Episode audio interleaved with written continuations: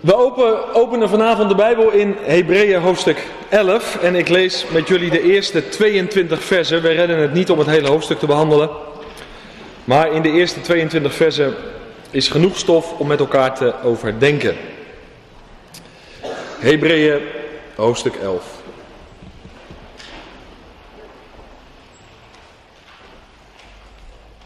Daar lezen we in het eerste vers. Het geloof nu is een vaste grond van de dingen die men hoopt en een bewijs van de zaken die men niet ziet.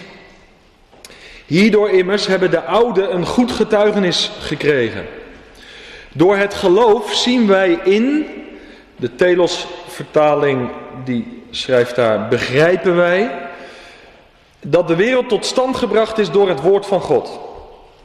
En wel zo dat de dingen die men ziet, niet ontstaan zijn uit wat zichtbaar is. Door het geloof heeft Abel God een beter offer gebracht dan Kain. Daardoor kreeg, zijn, kreeg hij getuigenis dat hij rechtvaardig was. Dit heeft God met het oog op zijn gaven getuigd. En door dit geloof, geloof spreekt hij nog nadat hij gestorven is. Door het geloof werd hij nog weggenomen, opdat hij de dood niet zou zien. En hij werd niet gevonden omdat God hem weggenomen had. Voor zijn wegneming kreeg hij namelijk het getuigenis dat hij God behaagde. Zonder geloof is het echter onmogelijk God te behagen. Want wie tot God komt, die moet geloven dat hij is, dat hij bestaat en dat hij beloont wie hem zoeken. Door het geloof heeft Noach, toen hij een aanwijzing van God ontvangen had, van de dingen die nog niet gezien waren, uit ontzag voor God de ark gebouwd, tot redding van zijn gezin. Daardoor heeft hij de wereld veroordeeld en is hij een erfgenaam geworden van de rechtvaardigheid die overeenkomstig het geloof is. Door het geloof is Abraham, toen hij geroepen werd, gehoorzaam geweest om weg te gaan naar de plaats die hij tot een erfdeel ontvangen zou. En hij is weggegaan zonder te weten waar hij komen zou. Door het geloof is hij een inwoner geweest in het land van de belofte, als in een vreemd land. En hij heeft in tenten gewoond met Isaac en met Jacob, die mede-erfgenamen waren van dezelfde belofte. Want hij verwachtte de stad die fundamenten heeft, waarvan God de bouwer en ontwerper is. Door het geloof heeft ook Sarah zelf kracht ontvangen om zwanger te worden en een kind te baren, ondanks haar hoge ouderdom, omdat zij hem getrouw heeft geacht die het beloofd had. Daarom zijn er zelfs uit één man, en dat uit iemand wiens kracht al gestorven was, zoveel geboren als de sterren van de hemel in menigte. En als het zand op het strand van de zee, dat niet te tellen is. En deze allen zijn in geloof gestorven. Zij hebben de vervulling van de belofte niet verkregen, maar hebben die vanuit de verte gezien en geloofd en begroet.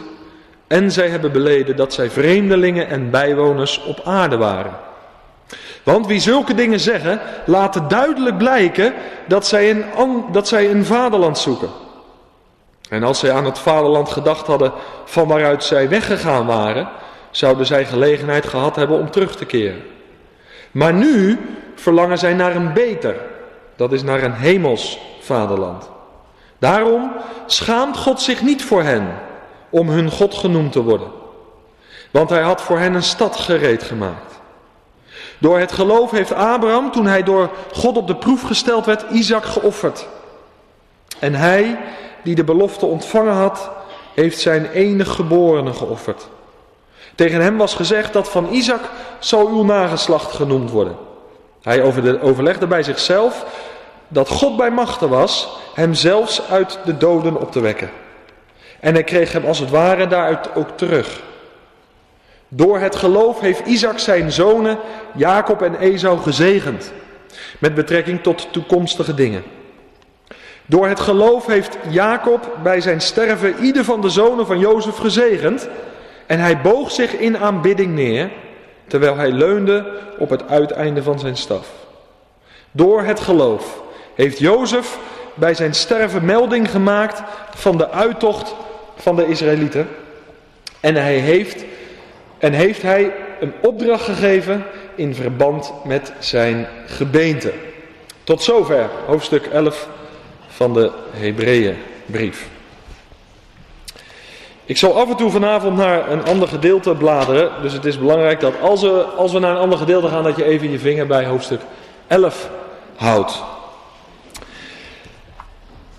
Als we terugkijken op de studies die we inmiddels gehad hebben, dan kunnen we zeggen dat Hebreeën 1 tot en met 10, de eerste 10 hoofdstukken, de Heer Jezus hebben laten zien in al zijn heerlijkheid, in al zijn majesteit. En we hebben de conclusie getrokken, wat ook het overkoepelende thema is van al deze Bijbelstudies. De Heer Jezus, hij overtreft alles en iedereen. En we hebben gezien, hij is uniek, hij is ongeëvenaard als het gaat om zijn persoon. En hij is uniek en ongeëvenaard als het gaat om het werk dat hij heeft verricht hier op aarde, maar ook in het hemelse heiligdom. En door de Heer Jezus zijn jij en ik gekomen tot het betere, zegt de Hebreeënbrief. Ja, we zijn gekomen tot het volmaakte. En dat betere en dat volmaakte, dat heeft alles te maken met de persoon en het werk van de Heer Jezus Christus. Dus wat dat betreft leven we in een geweldige periode. Wij mogen leven onder een heel nieuw verbond. Prijs de Heer daarvoor. En de zegeningen van het nieuwe verbond hebben we met elkaar gedeeld. Volkomen verlossing, eeuwig behoud, de inwoning van de Heilige Geest permanent, een vrije toegang tot de Vader. Het zijn zomaar een aantal zegeningen die behoren tot het leven onder het nieuwe verbond. En we mogen volle vrijmoedigheid hebben om te naderen tot de troon van Gods genade. En nu is de vraag, hoe kwam het nou dat wij, dat wij vandaag mogen delen in al deze zegeningen? Nou, dat heeft te maken, heb ik al gezegd, met de persoon en het werk van de Heer Jezus Christus. Maar hoe hebben wij de deel aangekregen? Er is één sleutelwoord en dat woord dat hebben we al een aantal keer genoemd vanavond. Door het geloof. Door het geloof, door ons vertrouwen te stellen op het werk van de Heer Jezus Christus. En nu moet je goed opletten. Paulus die onderwijst in de Romeinenbrief, in Romeinen 5 vers 1. Daar zegt hij, wij dan gerechtvaardigd zijnde uit het geloof hebben vrede met God. En het geloof wat Paulus daar bedoelt, dat is het reddende geloof. Dat is het geloof dat ons redt van de toren van God en van de eeuwige ondergang. Het geloof dat ons uiteindelijk doet delen in de zaligheid. Dat is wat Paulus bedoelt in Romeinen 5 vers 1. Wij dan gerechtvaardigd zijnde uit het geloof. En nu komen we in Hebreeën 11 opnieuw dat woord geloof, geloven tegen. Alleen dan met een wat andere betekenis. Het accent ligt dan niet op het reddende, de reddende betekenis, het zaligmakende ervan. Maar als het in Hebreeën 11 over geloven gaat, dan heeft dat meer de betekenis van geloofstrouw. Het gaat om geloof dat ons tot aan het einde van onze woestijnreis, uiteindelijk dat ons aan het einde van onze woestijnreis zal brengen. Wat ons geleidt, wat ons uh, mechanisme is, om het zo te zeggen, door de woestijnreis die wij allemaal hebben te gaan. We lazen in Hebreeën 10 het laatste vers dat ook. Wij zijn echter geen mensen die zich onttrekken en daardoor naar het verderf gaan, maar mensen die geloven tot behoud van hun ziel. En daar ligt het, het accent heel sterk op het volhardende in het geloof. En daar gaat het in, Romein, oh, in Hebreeën hoofdstuk 11 over. Hebreeën 11, daar gaat het om geloofstrouw te midden van tegenslagen, te midden van beproevingen, te midden van verdrukkingen. En daar hebben wij vroeg of laat allemaal mee te maken. Dus dat zijn twee typen van geloof, om het zo te zeggen. Het principe is hetzelfde, maar het ene gaat over het reddende karakter van het geloof en het andere gaat veel meer over het volhardende karakter van het geloof. En dat is van belang in Hebreeën hoofdstuk 11. En ik vind het ook heel bijzonder dat de Hebreeën schrijver in de hoofdstuk 1 tot en met 10 dat helemaal heeft opgebouwd. Hij heeft jou en mij helemaal gezet op een fundament wat hecht is, wat vast is. En dat fundament is een persoon, de Heer Jezus Christus en zijn werk. En nadat hij dat gedaan heeft en we hem hebben aanbeden, hem aanbidding hebben gegeven, lofprijs, eer en dankzegging voor wat hij heeft gedaan, nu begint de Hebreeën schrijver over de verdrukkingen van het leven, mogelijke vervolgingen, tegenslagen, beproevingen. En dan is het ook van belang dat jij en ik gaan volharden in het geloof. In de vorige studies hebben we een aantal kenmerken gezien van het ware geloof. En een van die kenmerken was bijvoorbeeld gehoorzaamheid. Het geloof is door het gehoor, maar uiteindelijk wekt het ook op, brengt het, bewerkt het in ons leven ook een leven van gehoorzaamheid. Een ander belangrijk woord, een kenmerk van het ware geloof, is volharding. En de Hebreeën schrijver spoorde jou en mij aan om te volharden tot het einde. Zodat jij en ik niet behoren tot die categorie mensen die uiteindelijk afgaan vallen. En nu komen we bij Hebreeën 1, het eerste vers. En daar worden eigenlijk nog twee belangrijke kenmerken van het ware geloof toegevoegd aan de kenmerken die ik zojuist al noemde. Het eerste is dit. Dat staat in vers 1 van Hebreeën 11. Wie door geloof leeft, is zeker van wat hij hoopt. Hij weet zeker dat wat hij hoopt ook in vervulling zal gaan. Dat is een kenmerk van het ware geloof. Hij weet zeker dat wat hij hoopt ook in vervulling zal gaan. Omdat het alles te maken met de God van de hoop. Die doet wat hij beloofd heeft. Dat is een derde kenmerk. En het vierde kenmerk staat ook in vers 1 van Hebreeën 11. En dat is, de gelovige is er diep van overtuigd. Hij is overtuigd van, van wat hij niet ziet. Hij vertrouwt met overtuiging op God en op de hemelse dingen, ook al kan hij ze niet zien. En dat heeft ook te maken met de belofte van God. Begrijp je ook deze twee kenmerken van het geloof. Het geloof heeft dus alles te maken met vastheid, met zekerheid, met vervulling van beloften. En daar is de gelovige diep en grondig van overtuigd. Blader met mij even naar 2 Korinthe 4. Want Paulus die onderwijst dat ook aan de Corinthiërs. Deze twee extra kenmerken die genoemd worden in Hebreeën 11, het eerste vers. 2 Korinthe 4. Het zijn die bekende indrukwekkende versen. Die ook staan in het kader van verdrukkingen, van moeite in het leven. Daar schrijft Paulus in 2 Korinthe 4, vers 16 aan de Corinthiërs het volgende. Hij zegt: Daarom verliezen wij de moed niet. Integendeel. Ook al vergaat onze uiterlijke mens, toch wordt de innerlijke mens van dag tot dag vernield. En dan is het goed om thuis even alles te lezen wat hiervoor in hoofdstuk 4 staat. En misschien ook nog 2 Korinthe 11 erbij te pakken. Maar Paulus zegt, nee, we verliezen de moed niet. Integendeel. En, dan vraagt iemand, maar Paulus vertelt dan is je geheim. Hoe kom je nou tot zo'n beleidenis?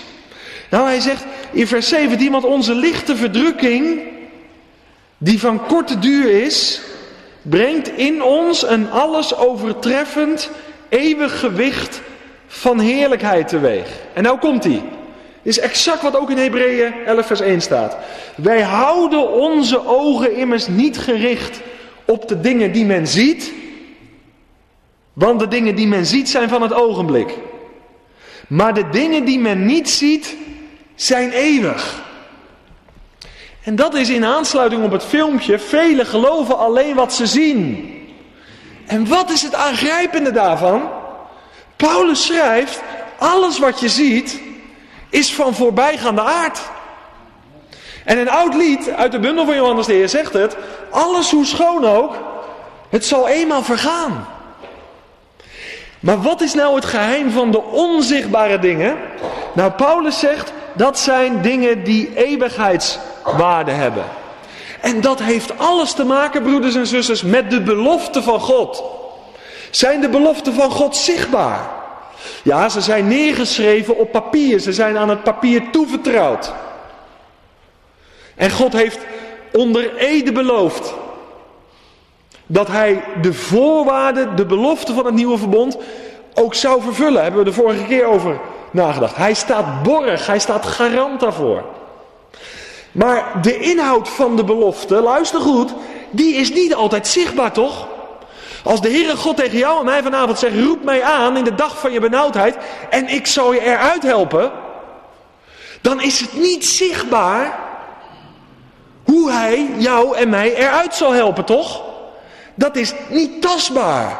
Maar het is wel de inhoud van de belofte. En het zichtbare in die moeilijke omstandigheden kan mij ontmoedigen. Maar het onzichtbare, de inhoud van die belofte, ik zal je eruit helpen, is niet zichtbaar, maar heeft wel waarde tot in eeuwigheid. Begrijp je dit? Dit is wat Hebreeën 11 vers 1 uitlegt. En dit is wat Paulus de Corinthiërs onderwijst. En vanavond wil ik dat aan je doorgeven. Alles wat deze wereld biedt, alles wat glinstert en glittert en ons oog trekt en ons hart kan vervullen, dat is zichtbaar, dat is tastbaar en dus vergankelijk. En daarom is het zo belangrijk, het onderwijs van Hebreeën 11, omdat daar geloofsgetuigen worden genoemd, luister goed, wiens omstandigheden tot moedeloosheid hadden kunnen leiden. Maar die zich richten op de belofte van God, waarvan de inhoud niet zichtbaar was, maar daardoor niet minder waar. En ik geloof dat dit de grootste beproeving is in ons leven. Ik las in deze dagen in de voorbereiding iets van de grootste beproeving van ons geloofsleven is niet het atheïsme. De grootste beproeving van ons geloofsleven is ons ongeloof. Je kan eigenlijk door niets in de duisternis komen in deze wereld. Behalve als ongeloof grip krijgt op je hart. Want wie God niet gelooft, die maakt hem tot een leugenaar. Dus geloof is de sleutel. En dat is wat dit vers in Hebreeën 11 vers 1 duidelijk maakt. Het geloof, broeders en zusters, kijkt dus verder dan vandaag. Het geloof ziet op de heerlijke toekomst. Dus een kernwoord bij geloof is vooruitkijken. We vergeten hetgeen wat? Ik wandel in het licht met Jezus. En het donkere dal ligt achter mij. Het geloof richt zich op datgene wat voor ligt. Ik, ik leef dus niet voor de tijd. Vele mensen leven voor 50, 60, 70 of 80 jaar. Maar daardoor laat ik mijn leven niet bepalen. Ik leef met het oog op de toekomst. Omdat ik weet dat het allerbeste nog komt. En ik wil mijn leven vandaag laten bepalen door dat wat in de toekomst ligt. Dat is vooruitkijken. Het natuurlijke oog, dat is het tweede, dat ziet vaak op de omstandigheden. Maar het geloofsoog ziet Jezus op de troon. Dus het geloof wordt nog door twee dingen gekenmerkt. Het geloof ziet uit, ziet door tot op de toekomst. Je moet dus verder kijken dan je geestelijke neus lang is. Dat is het geheim van een gelovige. En het tweede geheim is, hij kijkt dus niet alleen horizontaal naar de toekomst, maar hij kijkt ook verticaal naar boven. En als ik naar boven kijk, dan worden mijn ogen gericht, afgewend van de omstandigheden. Die niet altijd veranderen als ik omhoog kijk. Maar ik laat me voeden, vullen en vormen en leiden door Hem die op de troon zit. Dus geloof ziet vooruit en geloof ziet omhoog. De bekende opwekkingsprediker Moody, die heeft gezegd, alles is mogelijk door geloof. Hij zegt, en alles wordt gemakkelijk door de liefde. Amen. En zo is het. Alles is mogelijk door geloof. Dus het geloof maakt alle dingen mogelijk. Maar er is nog een belangrijke waarheid. Geloof is niet alleen, geloof maakt niet alle dingen mogelijk, maar geloof is in de allereerste plaats noodzakelijk. En dat lezen we in Hebreeën 11, het zesde vers. In aansluiting op vers 1. Want daar staat, zonder geloof is het echter onmogelijk om God te behagen, om hem welgevallig te zijn. Want wie tot God komt, die moet geloven dat hij bestaat. En dat hij beloont wie hem ernstig zoeken. Je ziet, in dit hoofdstuk is geloof het sleutelwoord. Geloof was al het sleutelwoord onder het oude verbond. Al waren de beloften van het oude verbond mindere beloften, om het zo te zeggen. Maar geloof is ook de sleutel onder het nieuwe verbond. Als het gaat om de betere beloften. Geloof is ten alle tijde het kenmerk van de wandel met God. Je kan niet met de Heere God wandelen zonder geloof. Het is dus noodzakelijk. Geloof, vertrouwen, overgave aan de Heere. Het is geen luxe, maar geloof is noodzakelijk. En geloof is altijd al noodzakelijk geweest. Dat vind ik heel bijzonder voordat we bij de geloofsgetuigen komen, wat Hebreeën 11, het derde vers zegt. Geloof was al noodzakelijk, of is altijd al noodzakelijk geweest, zelfs met betrekking tot de schepping. Hebreeën 11, het derde vers. Want door het geloof begrijpen wij, zien wij in dat de wereld tot stand gebracht is door het woord van God. En wel zo dat de dingen die men ziet niet ontstaan zijn uit wat zichtbaar is. Als je dit niet gelooft, dan valt alles om. Het is zo belangrijk dat wij hier aan vasthouden. En het woord wat hier gebruikt wordt, hè, als het gaat om het spreken, dat is het rema-woord. Dus dat is het spreken van de schepper en de schepper was onzichtbaar. God is geest. Door het spreken van de onzichtbare ontstond een zichtbare wereld. Werd een zichtbare wereld geschapen. Velen zeggen dat de wereld, zoals wij die kennen, een gevolg is van het heelal. Wat daar dan zou, gebeurd zou zijn. Nee, het heelal, heel de aarde, heel het universum is gevolg van het spreken van een onzichtbare God. En dat is vandaag belangrijk om vast te houden. En luister goed. De wereld, het zichtbare, is niet ontstaan door toeval of materie. Begrijp je wat ik daarmee bedoel? God sprak en het was er. Dus de wereld, God heeft alle dingen uit het niet gemaakt. En waarom, nou ja, dat verklaart het al, ik hoef het zo niet te zeggen. Dit vraagt geloof om in je hart te sluiten. Want als iets zichtbaar tastbaar is, dan hoef je het niet te geloven. Maar de Bijbel zegt hier dat deze dingen ontstaan zijn uit wat onzichtbaar is. God heeft het geschapen. En iets wat onzichtbaar is, wat je in je hart wil sluiten, kan je alleen in je hart en in je denken sluiten door geloof. En dit is waar de Hebreeën schrijver in hoofdstuk 11 eigenlijk mee begint. Dat is fundamenteel. God sprak, de onzichtbare God, en er werd een zichtbare wereld geschapen. En dit kan je alleen maar aanvaarden. Dit kan je alleen maar toelaten in je hart in je denken.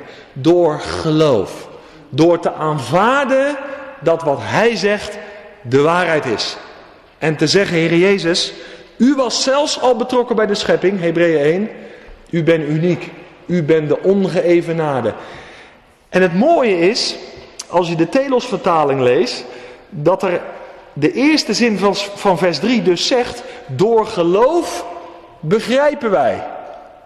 Door geloof zien wij. Dus het is niet zo dat kennis geloof uitsluit. Nee, het sluit het juist in.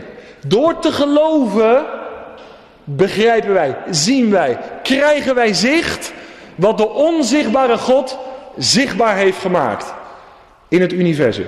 Ik hoop dat je me nog volgt. Maar dit is heel belangrijk. Ook met betrekking tot de schepping is geloof dus de sleutel. Nou, en nu wordt er in vers 2 genoemd dat heel het voorgeslacht van die Hebreeën, die Joodse geloofsgemeenschap, heel dat voorgeslacht leefde door dat geloof. En dat is geweldig. De Heere God heeft hun getuigenis op laten schrijven, aan het papier toevertrouwd. Het getuigenis van hen die leefden door geloof, is aan het papier toevertrouwd. Is verenigd om het zo te zeggen. En dat is voor mij een geweldige bemoediging. Want zij hebben vastgehouden als ziende de onzienlijke. Al die geloofsgetuigen die geloofden het woord van God meer dan dat ze mensenwoorden geloofden. En daarom zei de Heere God, daarom inspireerde de Heilige Geest de Hebreeën schrijver om tekst en uitleg te geven van deze geloofsgetuigen. En het voorgeslag van de Hebreeën, als je die getuigenissen leest, dat is niet alleen goed om te lezen, maar het is vooral belangrijk en de bedoeling dat we hun voorbeeld volgen. Goed voorbeeld doet goed. Volgen, daar gaat het om. En als ik eerlijk ben, ik zei dat vanmorgen tegen net onder de koffie, kan ik nu al stoppen. Dit was het eigenlijk. Want wat ik nu heb uitgelegd en in de voorgaande Bijbelstudies is dit. Dat het principe, het mechanisme, waardoor gelovigen onder het oude verbond leefden en waardoor jij en ik onder het nieuwe verbond leven, dat is geloof. En dit is waardoor we het volhouden tot op de dag van Jezus Christus of tot de dag van ons sterven. Dat is niet anders dan door geloof. Wij leven door geloof. Straks gaat het geloof over in aanschouwen. Maar alle tijden door, alle gelovigen wereldwijd, wat kenmerkt hun leven? Dat ze leven uit de hand van een belovende God. God schenkt zich al belovende weg aan de mensheid. Begrijp je wat ik daarmee bedoel? En daar zullen we het mee moeten doen. Maar ik heb een betere boodschap nog. Daar kan je het ook mee doen. Omdat God de absoluut betrouwbare is. En nu begrijp je nog meer vers 6. Het is onmogelijk om zonder geloof God te behagen. Want hij werkt door beloften heen die door de mensen worden geloofd. En zo is de zekerheid in mijn hart gekomen. Ik heb dus geen zekerheid door een lekker gevoel. Ik heb geloofszekerheid doordat ik rust in de belofte van God die in Christus Jezus ja en amen zijn. En dit principe is door de eeuwen heen altijd hetzelfde geweest. Geloven alleen. Geloven alleen. Alles is mogelijk. Geloven alleen. En daarom is het ook zo eenvoudig, zo gemakkelijk. En daarom is het tegelijkertijd ook zo moeilijk. Want wij willen iets tastbaars, iets zichtbaars, iets voelbaars. En als dat er is, dan geloven we het wel. En zo gaat het niet worden. Dan kan ik je vanavond al uit de droom helpen. God blijft werken middels de belofte die hij geeft. En wij beantwoorden die belofte. Wij trekken die belofte in ons hart, de inhoud ervan, door te geloven. Dat is een voortdurende wisselwerking. Tot de dag van ons sterven of tot de komst van de Heer in de lucht. Maar het principe heb ik dus nu uitgelegd. En ik zou nu dus kunnen stoppen. De eerste verse van Hebreeën 11 leerde ons het grondprincipe. Als sleutel van de gelovigen onder het oude verbond en onder het nieuwe verbond. Maar de Heere God die komt jou nog meer tegemoet. Die komt mij nog meer tegemoet. En hij zegt vanavond, ik heb je uitgelegd hoe je met mij kan leven. Wat de wandel met mij inhoudt. Ik heb je uitgelegd wat de wandel met mij kenmerkt. Volharding, gehoorzaamheid, geloof. Eenmaal om gered te worden, maar ook om als een gered mens te leven. Het principe is geloof. Maar hij zegt, ik kom je tegemoet en ik ga je een paar plaatjes laten zien. Ik ga je een aantal mannen laten zien, ik ga je een aantal vrouwen laten zien die op deze manier geleefd hebben. Die mij geloofd hebben op hun woord, op mijn woord. En we lopen eigenlijk een kamer binnen waarin we aan de wanden allemaal schilderijen zien hangen. En de Hebreeën schrijven neem jou en mij mee nadat hij dit principe van geloof heeft uitgelegd. En hij zegt, hé, hey, kijk eens naar Abel. Kijk eens naar Henoch. Kijk eens naar Noach. Kijk eens naar Abraham. Ze hebben allemaal gewandeld door geloof. Ze hadden niks tastbaars in hun handen. Ze voelden het niet altijd. Maar ze geloofden mij op mijn woord. En dat heeft hen gered. Dat heeft hen tot een rechtvaardige gemaakt. Dit is de kern van de Bijbelse boodschap. Want wie het gelooft, die heeft het. Wat? De inhoud van de belofte. Op welk gebied die belofte dan ook, voor welk gebied die belofte dan ook gegeven is. Nou, we beginnen met Abel. Dat is de eerste geloofsgetuige die we tegenkomen. In vers 4. En ik noem steeds, ik zal niet steeds alle versen noemen, maar ik noem de namen. We beginnen dus met Abel, de eerste geloofsgetuige. Voor de schrijvers onder ons, je kan over hem lezen in Genesis hoofdstuk 4. Onthoud dit hè. Het geloofsprincipe is uitgelegd als fundament. Je krijgt nou een paar plaatjes. Ter bemoediging, ter vertroosting, ter aansporing. Maar het had eigenlijk niet nodig geweest. Dus een extraatje vanavond. Eerst Abel. Abel, hij is een type van Christus. Waarom? Nou, Abel bracht een beter offer. Ik ken nog een offer dat beter was. Dan al die offers uit die oud-testamentische eredienst. Hoe heerlijk hun schaduw en afbeelding al was. Dat is het offer van mijn Heer en Eiland. Die bracht ook een beter offer. Dat offer leidde mij tot volmaaktheid. Nou, Abel is een type van Christus. Hij bracht een beter offer. Nu zegt iemand, ja maar Kain bracht toch ook een offer? Nou, ze brachten allebei inderdaad een offer. Wat was het verschil? Nou, Kain, hij bracht een onbloedig offer. Hij bracht uiteindelijk als offer de opbrengst van de aardbodem. De aardbodem die vervloekt was. Abel daarentegen, die bracht een bloedig offer. En van dat offer wordt gezegd dat het een beter offer was. Als je de letterlijke vertaling leest, dan staat daar een meerder offer. Het offer van Abel had meerwaarde ten opzichte van het offer van Kain. En nu vraagt iemand, wat was dan de meerwaarde?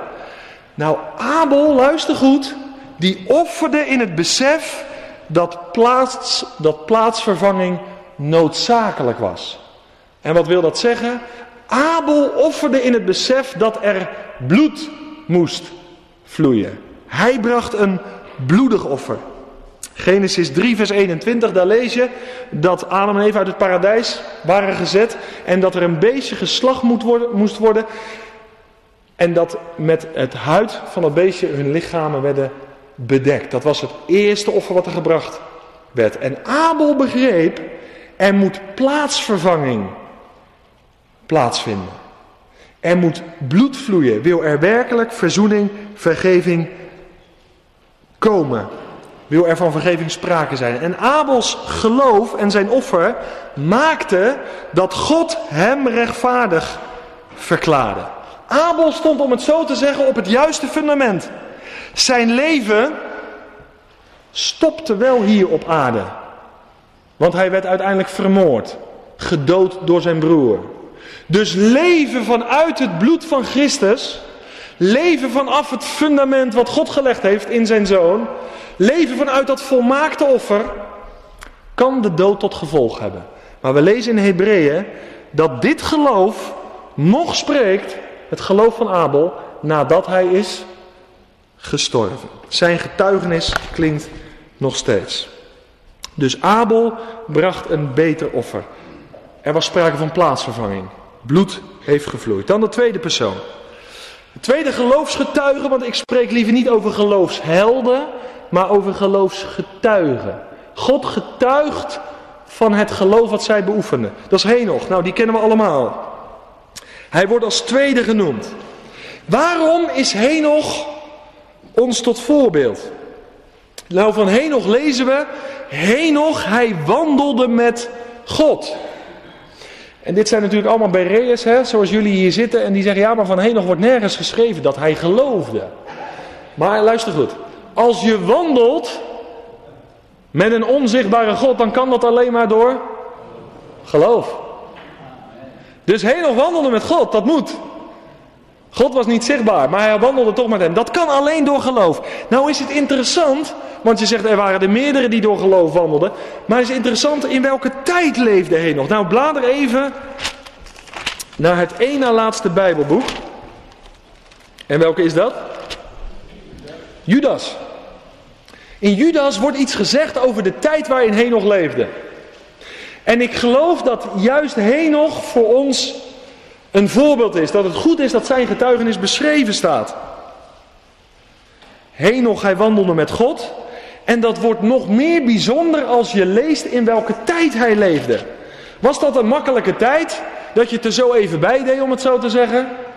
Nee, nee, nee. Dat was een tijd dat het wandelen met God een offer vroeg.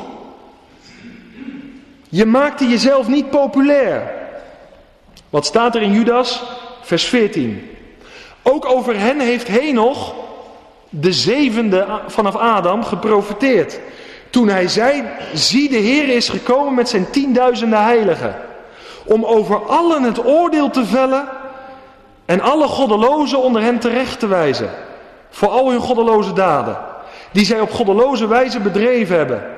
En voor al de harde woorden die zij, goddeloze zondaars, tegen hem gesproken hebben. Zij zijn het die morren, die klagen over hun lot, die naar hun eigen begeerte wandelen. Hun mond spreekt hoogdravende woorden, terwijl zij mensen naar de ogen zien, ter wille van voordeel. Maar u geliefde, herinnert u zich de woorden die voorzegd zijn door de apostelen van onze Heer Jezus Christus. Dat ze u gezegd hebben dat er in de laatste tijd spotters zullen zijn die naar hun eigen goddeloze begeerte wandelen. Nou, en wat volgt? Dit was de tijd van Henoch. Dat was een goddeloze tijd. Dat was de tijd voor de vloed. En in die goddeloze tijd wandelde Henoch met God. En ik heb het onder het eten met de broeders gedeeld. Dit zijn altijd zeer bemoedigende teksten voor mij. Door de geschiedenis heen zien we dat er altijd een rest is geweest, een overblijfsel, wat trouw is gebleven in de toewijding aan de Heer. Wat altijd met Hem gewandeld heeft. Die stand hebben gehouden tegen alle afval en verval in. En in die dagen die ik zojuist geschilderd heb door het stukje wat we gelezen hebben. In die dagen wandelde Henoch met God. En broeders en zusters, Henochs geloofswandel behaagde de Heer. Dat wil zeggen, die wandel was hem welgevallig. Die geloofswandel was voor God aangenaam. En dat is heel interessant. Ik geloof dat Henoch niet alleen verlangde naar verzoening, maar Henoch verlangde ook naar gemeenschap, naar omgang met God. Hij wandelde met hem. Mag, mag ik iets vragen? Is het geloof voor jou alleen iets om gered te zijn? Of leef je door het geloof, wandel je door het geloof, dat betekent dat jouw geloofsleven verder is gekomen dan alleen verzoening, vergeving. Nee, Henoch, hij verlangde om intiem te zijn met de Heere God, want daar duidt wandelen op.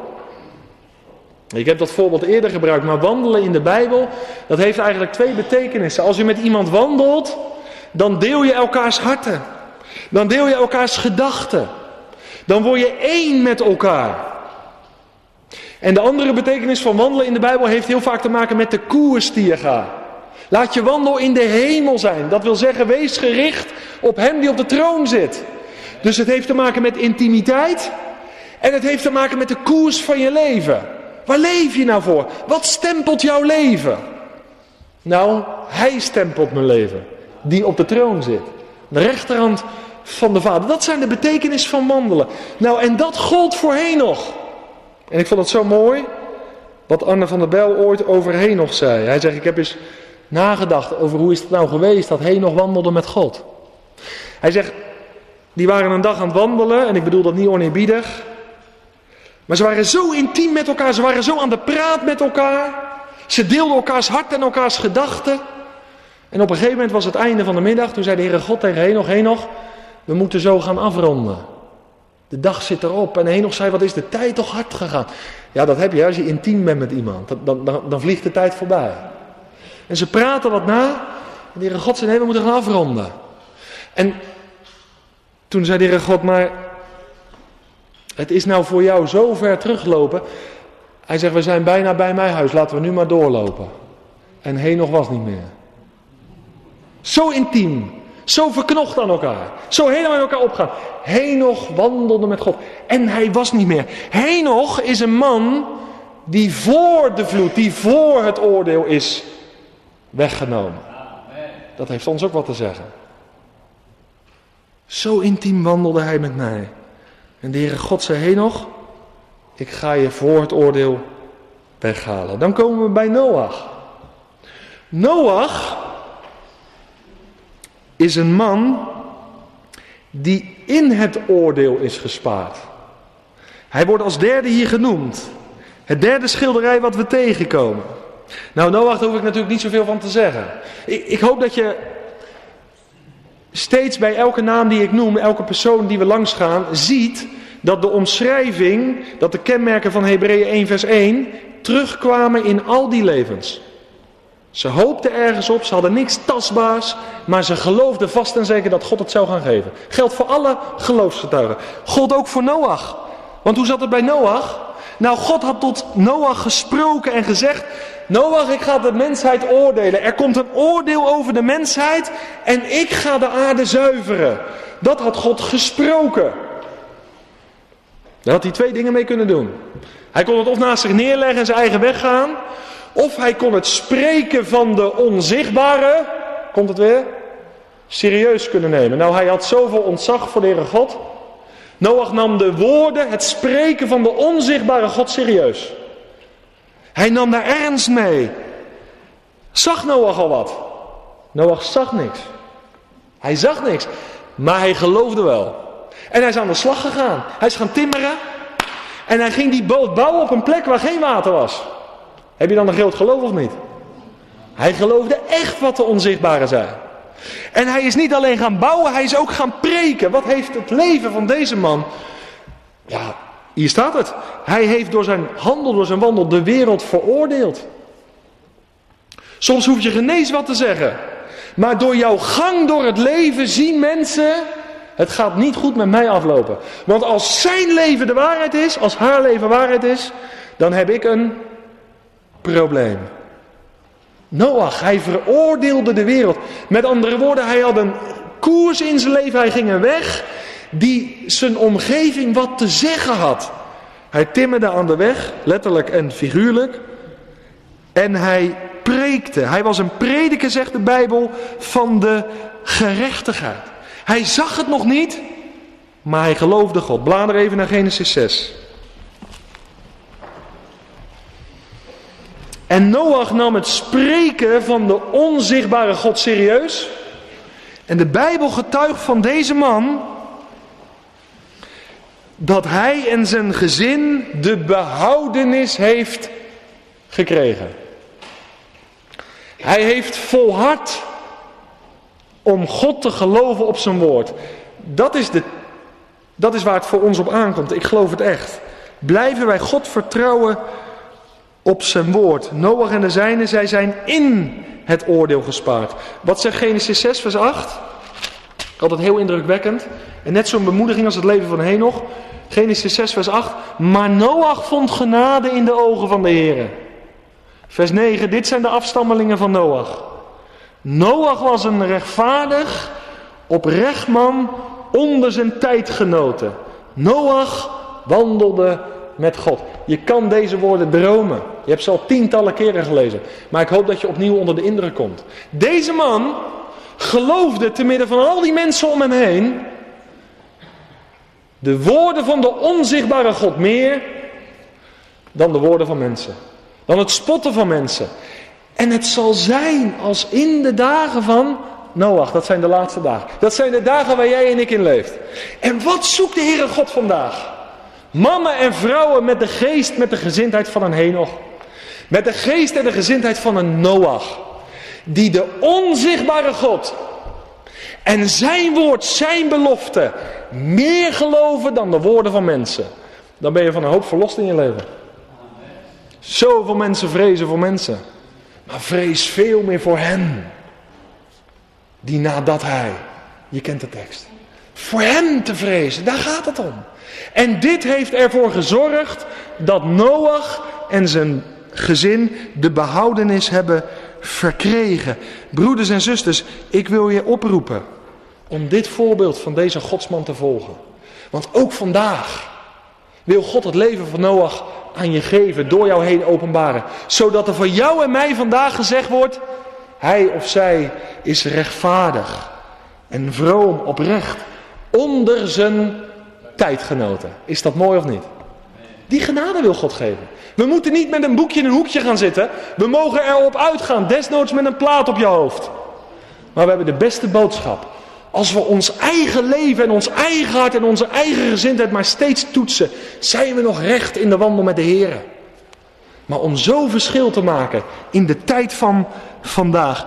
En dan heb ik nog een belofte ook. Psalm 37, vers 29. De rechtvaardigen, zij zullen het aardrijk beërven. Wie is de nieuwe wereld ingegaan? Dat is Noach. Toen hij de ark uitstapte, ging hij de nieuwe wereld in. Wie gaan straks de nieuwe wereld in? Wie gaat straks het koninkrijk in? Dat zijn zij die oprecht en getrouw waren, de rechtvaardigen. Zij zullen het aardrijk gaan beërven. Nou, de vierde. Ik moet een beetje de vader inhouden. Nou, de vierde die kan natuurlijk niet in deze lijst ontbreken. Dat is Abraham. Als er één niet kan ontbreken in de lijst, dan is hij het wel. Waarom? Abraham is de vader van alle gelovigen. Waarom van alle gelovigen? Nou, hij is de vader van besnedenen en van onbesnedenen. Ieder die uit Abraham is voortgekomen, noemt Abraham zijn vader. Dus Abraham is sowieso de vader van alle natuurlijke nakomelingen. Maar broeders en zusters, jij en ik, wij zijn geestelijke kinderen van Abraham. Wanneer? Als wij hetzelfde geloof als Abraham praktiseren. Als wij hetzelfde geloof beoefenen, als wij God geloven op zijn woord, dan zijn wij geestelijk kinderen van Abraham. En zo is Abraham een vader geworden van alle gelovigen, besneden en onbesnedenen. En eigenlijk het grootste gedeelte, we gaan weer terug naar Hebreeën 11, wordt er over Abraham geschreven. Nou, en waarom, dat heb ik net uitgelegd. Vader van alle gelovigen. Nou staan er heel veel teksten over Abraham. Ik ga het samenvatten in drie punten. We hebben gekeken naar Abel, het betere offer. We hebben gekeken naar Henoch, de wandel met God, de geloofswandel. We hebben gekeken naar Noach. Hij was een rechtvaardige, een oprechte in een goddeloze tijd. En nu zien we Abraham. Nou, waarom kunnen wij nou. Nee, ik moet het anders zeggen. Waarom is Abrahams getuigenis onze navolging meer dan waard? Nou, om drie dingen. Het eerste wat opvalt in dit gedeelte van deze versen uit Hebreeën 11 is dit. God werd, of nee, Abraham werd door de Heere God geroepen. Uit Ur der Galdeeën om te gaan naar het land Canaan. Je leest dat in Genesis 12 vers 1. God had dus een roeping voor Abraham. En weet je wat zo interessant is? De Heere God had Abraham duidelijk geroepen. Hij had dit beloofd ik wijs je de weg naar het land waar je naartoe moet. Maar inhoudelijk had de Heere God niks over het land met Abraham gedeeld. Hij wist nog niet hoe het eruit zag, hoe het allemaal was, hoe geweldig het allemaal zou zijn. Ik ga je het wijzen. Dus wat had hij in zijn hand? Iets tastbaars? Nee, iets zichtbaars? Nee, hij had de belofte van God. En hij heeft gehoor gegeven aan de roepstem van de Heere God. Hij gehoorzaamde en vertrouwde de Heere voor de inhoud van die belofte. Ik ga je er brengen. Dat is het eerste. Het tweede wat hier opvalt. Abraham, hij is vreemdeling geweest in het beloofde land. Abraham zelf heeft het land in die zin nooit in bezit gehad. Zijn nageslacht zou het pas in bezit nemen. Hier staat, hij was vreemdeling.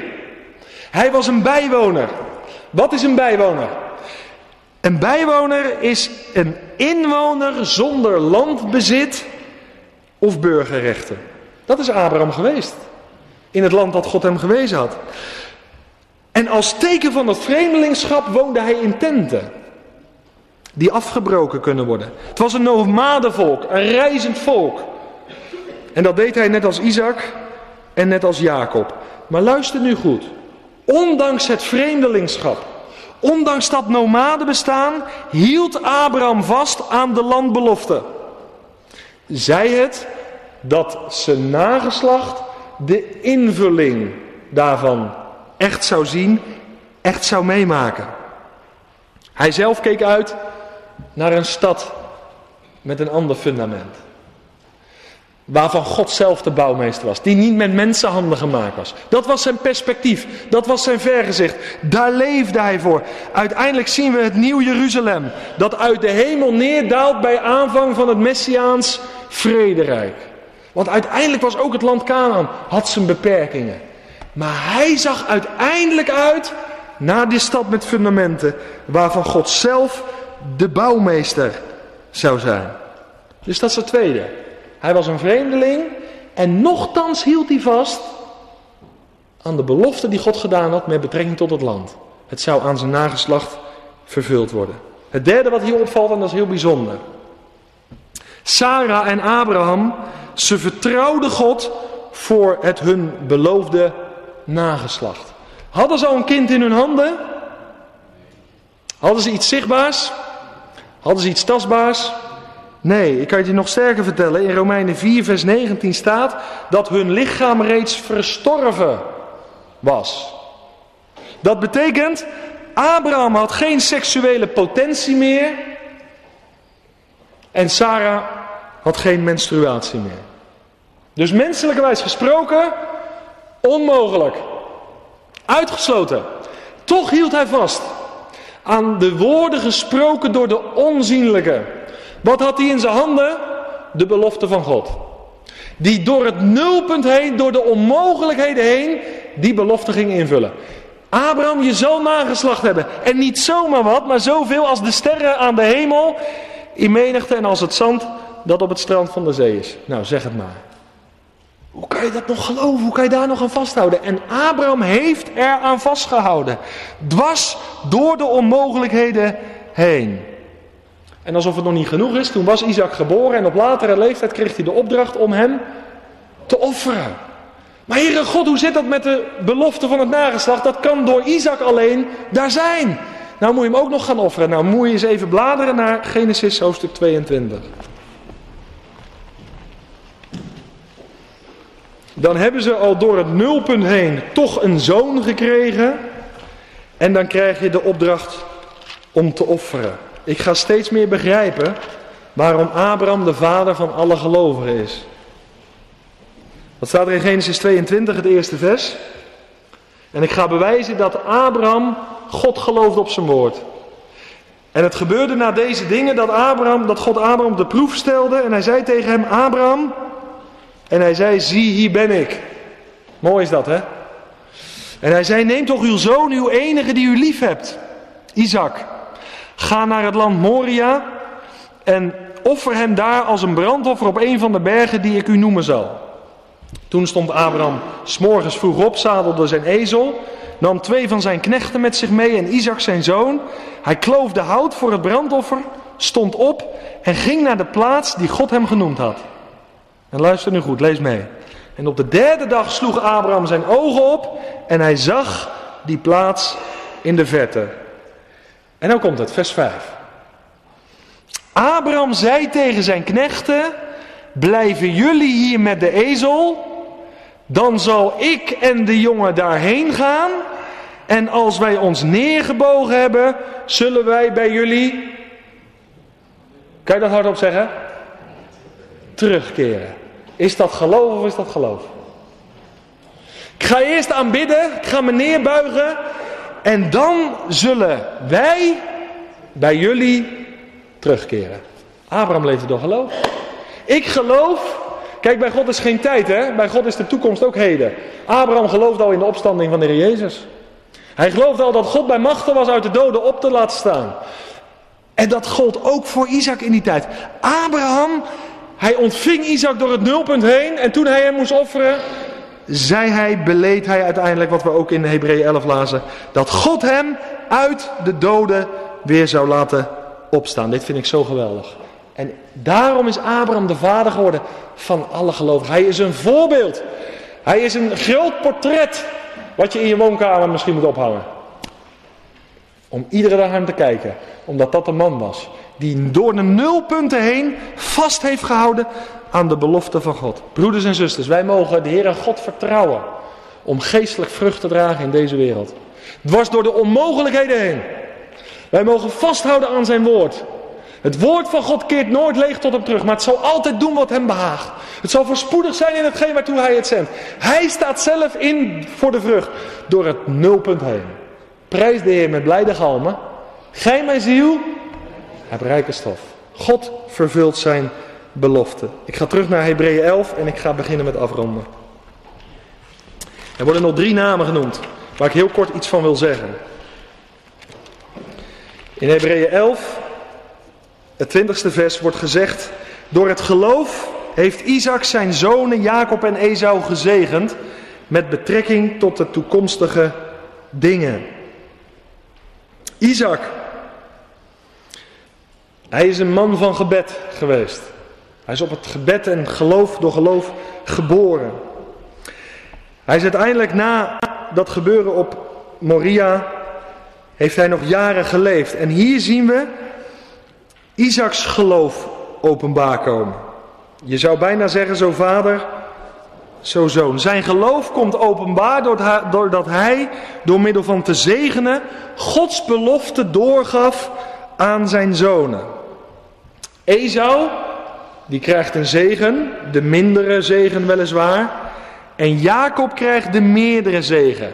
Je kan daarover lezen, voor degenen die meeschrijven, Genesis 27 en Genesis 28. Dan zie je de zegen die Esau kreeg, dan zie je de zegen die Jacob kreeg. Jacob kreeg de meerdere zegen. En waaruit bestond die zegen? Nou, de belofte van nageslacht en de belofte van een land. Uiteindelijk zou de Heer door de lijn van Jacob verder gaan werken. Zag Esau dat al? Of zag Isaac dat al? Dat zag Isaac niet. Isaac hield vast aan de belofte van God. En hij zegende Jacob uiteindelijk met betrekking tot de belofte van het nageslacht en het land. Dan wordt vervolgens in vers 21 Jacob genoemd. Door het geloof heeft Jacob bij zijn sterven ieder van de zonen van Jozef gezegend.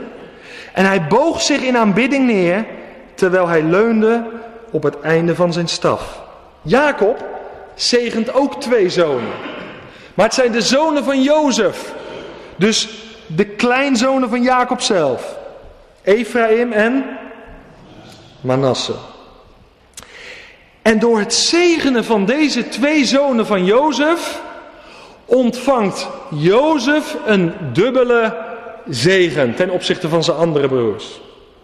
Jozef was de uitverkorene van de vader en Jozef had ook het eerst geboorterecht. 1 Kronieken 5 vers 1 en 2. Je ziet hier Jozef als een type van Christus. Christus, hij is de geliefde van de Vader. De uitverkorene van de Vader. Hij is de eerstgeborene van de Vader. En door Jozef zou Israël een vorm van herstel ontvangen. Maar we kunnen zeggen, de meerdere Jozef zal het echte herstel van, van Israël uiteindelijk gaan bewerken. En Jacob zien we hier, die had een vergezicht. Dat aan de ene kant de verwerping door zijn broers, maar aan de andere kant het plan van God in Jozef bij elkaar kwam en God tot zijn doel ging komen met zijn volk. Nou, hoeveel te meer straks. die meerdere Jozef, als hij zich gaat openbaren aan de broeders die hem eerst verworpen hebben en hem nu zullen aanvaarden, hij zal via de Heer Jezus Christus tot het herstel van alle dingen komen. En, jo en Jacob, hij zag dit al in perspectief, geloof ik. Hij zag deze lijn al zich voltrekken. En hij kwam in aanbidding. Had hij het al in handen? Hij had het nog niet in handen, maar hij geloofde dat het God door Jozef heen zou werken. En hij gaf Jozef een dubbel deel. Nou, en dan als laatste vers 22, waar gesproken wordt over de beenderen van Jozef. Jozef, hij is ons tot voorbeeld en staat in de rij van geloofsgetuigen, omdat hij geloofde in de verlossing van Israël uit Egypte. Bladen tenslotte naar Genesis 50. Dat is zo bijzonder. Jozef was diep ervan overtuigd dat de Heere God zijn volk niet zou loslaten, maar dat hij zijn volk zou gaan verlossen. En dat geloof koppelde hij aan een opdracht. En dat lezen we in Genesis 50. Vers 24. En Jozef zei tegen zijn broers: Ik ga sterven. Maar God zal zeker naar jullie omzien en jullie uit dit land laten trekken. Naar het land dat hij gezworen heeft aan Abraham, Isaac en Jacob. Had Jozef het al in bezit? Zag hij het al? Hij had het land in de belofte. En wat zegt hij dan vers 25? En Jozef liet de zonen van Israël zweren: God zal zeker naar jullie omzien. En dan moeten jullie mijn bederen van hier meenemen. En dat is gebeurd. Dus Jozef was zo overtuigd, God gaat zijn volk verlossen. En ik geef je nu alvast een opdracht. Je moet mijn beenderen meenemen naar het beloofde land, naar het land van Canaan. Daarom gaf hij die opdracht, vanwege dat geloof wat hij had. Ik moet afsluiten. Broeders en zusters, het grondprincipe van alle gelovigen wereldwijd, dat is leven door geloof. Leven uit de hand van God. Uit de belofte van God, die in Christus Jezus ja en amen zijn. En de Bijbel geeft ons naast, deze geloofs, naast dit geloofsprincipe als extra nog een aantal geloofsgetuigen. En dat om de Hebreeën toen en dat om jou en mij vandaag te bemoedigen, te vertroosten en aan te sporen.